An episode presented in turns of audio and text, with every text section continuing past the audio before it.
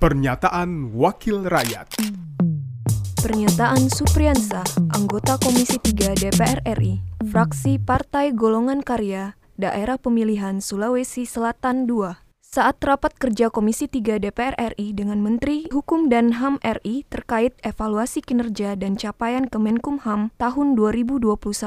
Rencana Kerja Kemenkumham di tahun 2022, Program Prioritas dan Strategi dalam Rencana Kerja Kemenkumham di tahun 2022, Program Prioritas dan Strategi dalam pencapaiannya, Rabu 2 Februari 2022.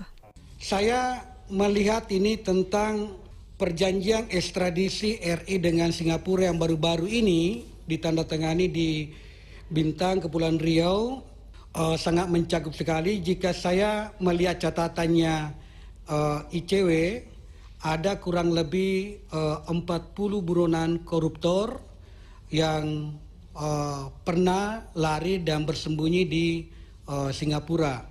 Nah, saya kira kalau dikaitkan dengan hasil rapat kerja kita kemarin dengan Jaksa Agung, uh, beliau juga menyampaikan bahwa masih banyak puluhan buronan yang masih di dalam kejaran uh, Kejaksaan Agung.